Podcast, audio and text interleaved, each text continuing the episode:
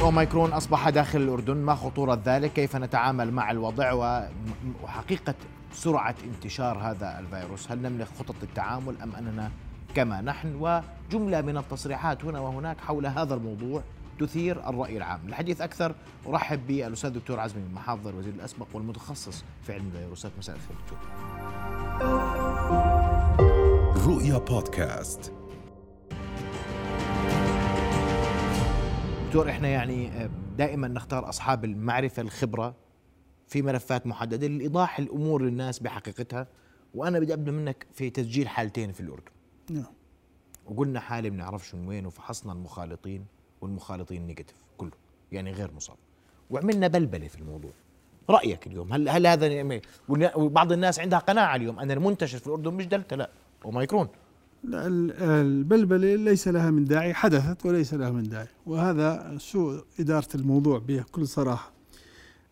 ما دام هناك حالة معروف أنه سافر وحالة لم يكن هناك تاريخ سفر إلى أي دولة أو حضور من أي دولة فأنا أعتقد أن الموجود أكثر من حالتين. هذا أولا. لأن هذا الشخص آه، انعدى من شخص آخر موجود داخل المملكة وربما يكون أشخاص. هذا ليس هذه ليست المرة الأولى.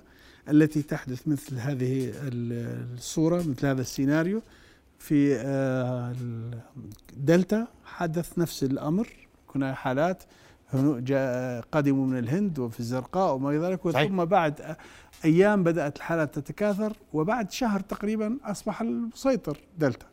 المتحور البريطاني دخل قبل أن نعلن أو تعلن بريطانيا عن وجوده بحوالي شهر الأردن في نهاية تشرين الثاني. وانتشر وانتشر وأصبح المسيطر ببداية شهر اثنين بعد شهر تقريبا من الإعلان عنه كان هو الفيروس مسيطر. المسيطر بالأردن وأنا لا أستغرب أن يصبح أوميكرون يعني آه، منتشرا في الأردن ويكون هو المسيطر لأن ذلك حدث يعني دلتا أسرع انتشارا من الفا البريطاني فأحل محله ولا آه، لا يمكن آه، يعني استبعاد أن يكون اوميكرون الفيروس القادم. ورغم ان هناك مؤشرات مطمئنة يعني في هذا المجال في في هذا الخصوص. بخصوص. نعم. كيف يعني مطمئنة؟ يعني هو أسرع انتشارا بشكل كبير. الحالات تتضاعف كما اشارت تقارير بريطانيا كل يومين ونص إلى ثلاثة أيام بينما المتحور البريطاني كانت تتضاعف كل 12 يوم. في الدلتا كانت تضاعف كل ستة أيام. فالانتشار شديد سريع جدا. انتشار هذا الفيروس سريع.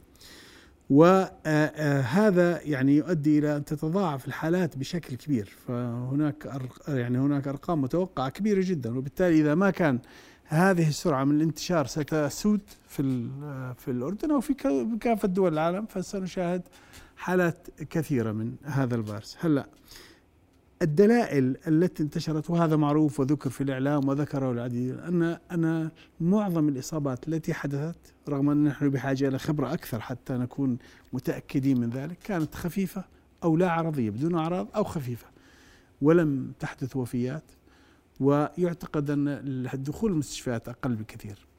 لكن يعني آه، حتى نكون حذرين في هذا المجال هو قد تكون نسبة الحالات التي تستدعي دخول المستشفيات قليلة في أوميكرون لكن مع زيادة الحالات هذه النسبة القليلة قد تؤدي إلى أعداد كبيرة كبير. لكن لسنا يعني لا ربما لا تتوفر الأدلة القاطعة على ذلك لكن كونه كون هذا المتحور شديد الانتشار وأعراضه خفيفة قد يكون مفيد إذا محل محل دلتا الذي أيضا هو يعني شديد الانتشار رغم إنه أقل انتشارا من اوميكرون ولكنه أشد فتكا وأشد إماتة يعني وفيات أعلى مع نعم. المتحور دلتا ف إذا ما حدث ذلك يعني إذا ما حدث الانتشار بشكل كبير وبأعراض بسيطة فربما يكون الحل الوباء كله ككل. يعني ربما يكون هذا رأي يعني يتم تداول اليوم أنه والله إن لماذا نقاوم أوميكرون إذا كان نحن في كل أقل؟ في كل الأنظمة البيولوجية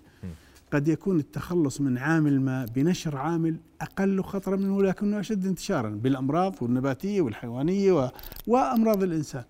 فمعظم المطاعيم التي تستخدم في عند الأطفال مثلا والتي قضت على مثلا أو تمت السيطرة من خلال اعشار الأطفال الحصبة الحصبة الألمانية النكاف كلها فيروسات مضاعفة ليست مقتولة وليس جزء من الفيروس. والخاصة بفيروس شلل الأطفال كان الهدف منه أن تنشر فيروسا لا يحدث المرض ولكنه ينتشر بكثرة ويعدي. الشخص المطعم قد يعدي أشخاص آخرين يعيشون معه في تماس معه وبالتالي تحدث لديهم مناعة. يعني المناعة تنتقل دون أن يطعم الشخص. نعم. يعني أنا أتمنى أن يكون هذا هو السيناريو المستقبل. وهذا قد يكون ربما لسنا متأكدين. يعني لا زالت المرحلة مبكرة كما قلت للاستنتاج.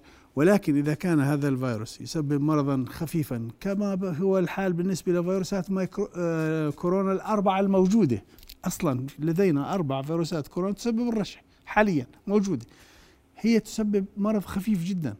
هذا الفيروس إذا ما انتشر بشكل كبير وحل محل الدلتا وكان يسبب مرض خفيف فبالتالي أنا أعتقد أن المسألة بشكل أساسي انتهت. مسألة الوباء وهذا هذا سيساعد بانتهاء الوباء. لأن لأن يعني التحورات التي حدثت وكأنها أوبئة متعددة. يعني نحن لو كانت يعني في الإنفلونزا على سبيل المثال نوع واحد يسبب الوباء ويضرب في بين السكان ويحدث إصابات ووفيات وينتهي. التحور يحدث بعد مدة ويحدث وباء جديد. في هذا في هذه الجائحة التحورات حدثت أثناء الجائحة. فبالتالي وكأنها أوبئة متعددة يعني. اولا الفيروس الأصلي حدث فيه تحور يسمى دي 614 جي بعده حدث التحور ألفا هو البريطاني. حدث التحورات الرئيسية الكبيرة المثيرة للقلق نحن نحكي بعدها حدث تحور الدلتا في متحورات مثيرة للقلق مثل جنوب أفريقي والبرازيلي لم تنتشر. لم نعم. تنتشر وانتهت وحتى الألفا انتهى. لا يوجد حالات ألفا في العالم. الوب... الفيروس المسيطر في كل دول العالم دلتا. هو الدلتا. مو... مو... أكثر من 99% آه، من الحالات التي تسجل في العالم هي دلتا والوفيات سببها دلتا. ولذلك يجب أن نهتم ونركز اهتمامنا حاليا في هذه المرحلة على دلتا. أوميكرون متحور مثل باقي المتحورات ليس مقاوما لقوانين الفيزياء والكيمياء بالتباعد الكمامة المواد الكيماوية كلها كلها تقضي, تقضي عليه وبالتالي لا يوجد ليس من داع للرعب ولا لنشر هذا الرعب لأنه في بكل صراحة وأنا أريد أن أذكر هذا يعني الرسائل التي خرجت في اليومين الماضيين وكانها تريد أن تنشر رعب والناس لم تعد يعني تحتمل مثل هذا ردة الفعل على انتشار الأوميكرون. لا يوجد شخص في الأردن يعني يعرف بالأوبئة إلا وكان متوقع أن يدخل أوميكرون، هذا هذا بديهيه هذا بديهيه مفروغ منه أمر مفروغ منه، كان سيدخل كما دخل إلى عشرات الدول في العالم وكذلك دلتا دخل ونحن ولم نكن نتوقع كان في ناس يعني لم استغربوا دخوله والبريطاني قبله. فالفيروسات تنشأ تتحور في منطقة وتنتشر في باقي دول العالم. قضية أن يكون هذا المتحور تحور محليا وارد غير وارد. لا طبعا غير وارد. على الإطلاق. هذا احتمال مستحيل.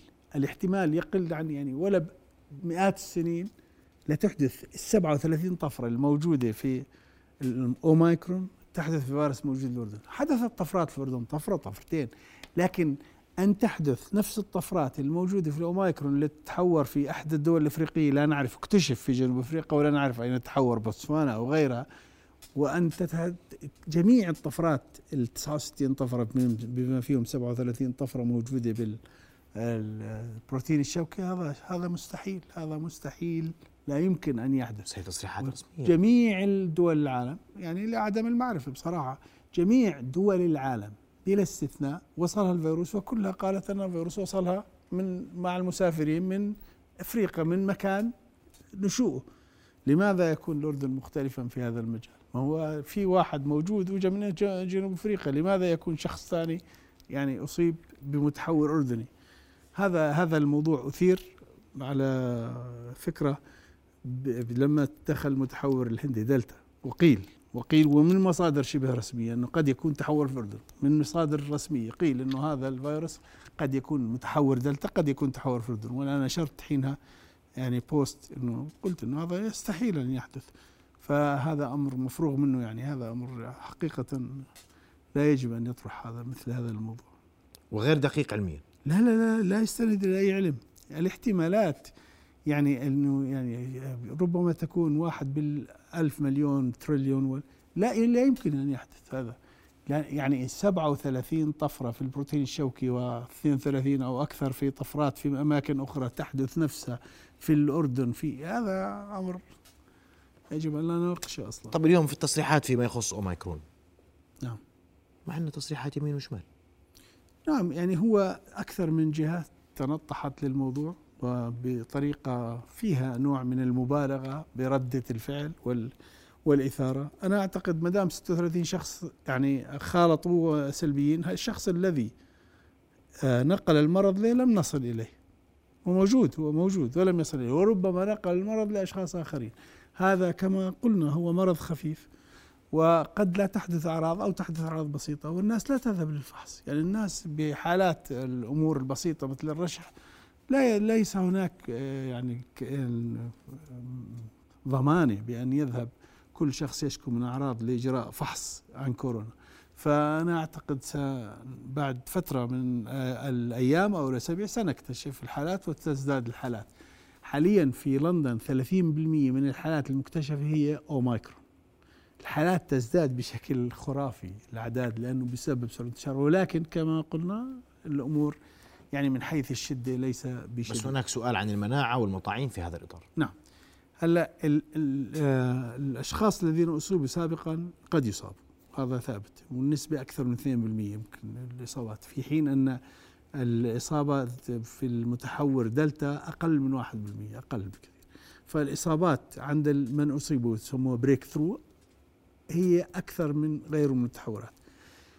والمطاعيم لمن أخذ جرعتين الحماية بفايزر بايونتك حوالي 34% يعني أقل من 40% الحماية ولكن من أخذ الجرعة الثالثة المدعمة فالحماية تصل إلى 74% فلذلك هذا المتحور قد يفيد فيه أن يقبل جميع الناس الذين لم يأخذوا الجرعة الثالثة الجرعة المدعمة أن يأخذوها الآن لأنها تعطي درجة عالية من, من الحماية. نعم. طيب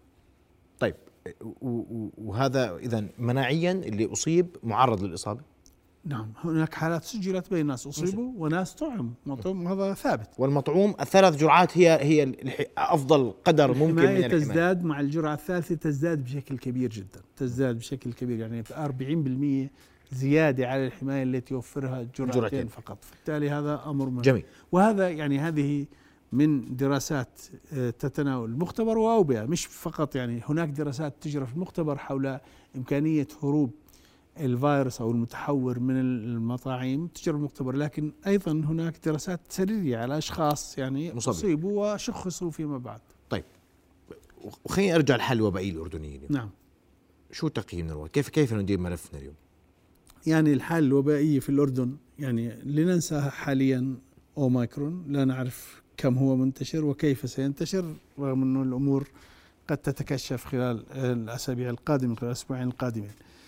الأردن أنا أعتقد أن اقتربنا كثيرا من الذروة. قد يكون الأسبوع هذا هو الذروة. قد يكون لأنه أنا شفت اليوم سجلنا 2700 حالة.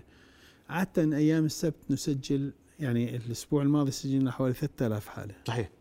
والأسبوع اللي قبله يعني المؤشر هو السبت. اليومي لا يكفي ولكن مؤشر السبت عادة هاي الحالات. وتزداد الحالات باليوم الأحد والاثنين الأيام تصل 4000 وما ذلك. سجلنا 35 ألف إصابة 35 ألف ثلاث إصابات بزيادة 10% الزيادة اللي قبلها كان 17% اللي قبلها كان 30% فالزيادة من أسبوع إلى آخر تتناقص بشكل واضح. وأنا أعتقد أن هذا يعني قد يكون مؤشر موكر لأن لأننا وصلنا بأننا وصلنا إلى آه، ذروة الوباء.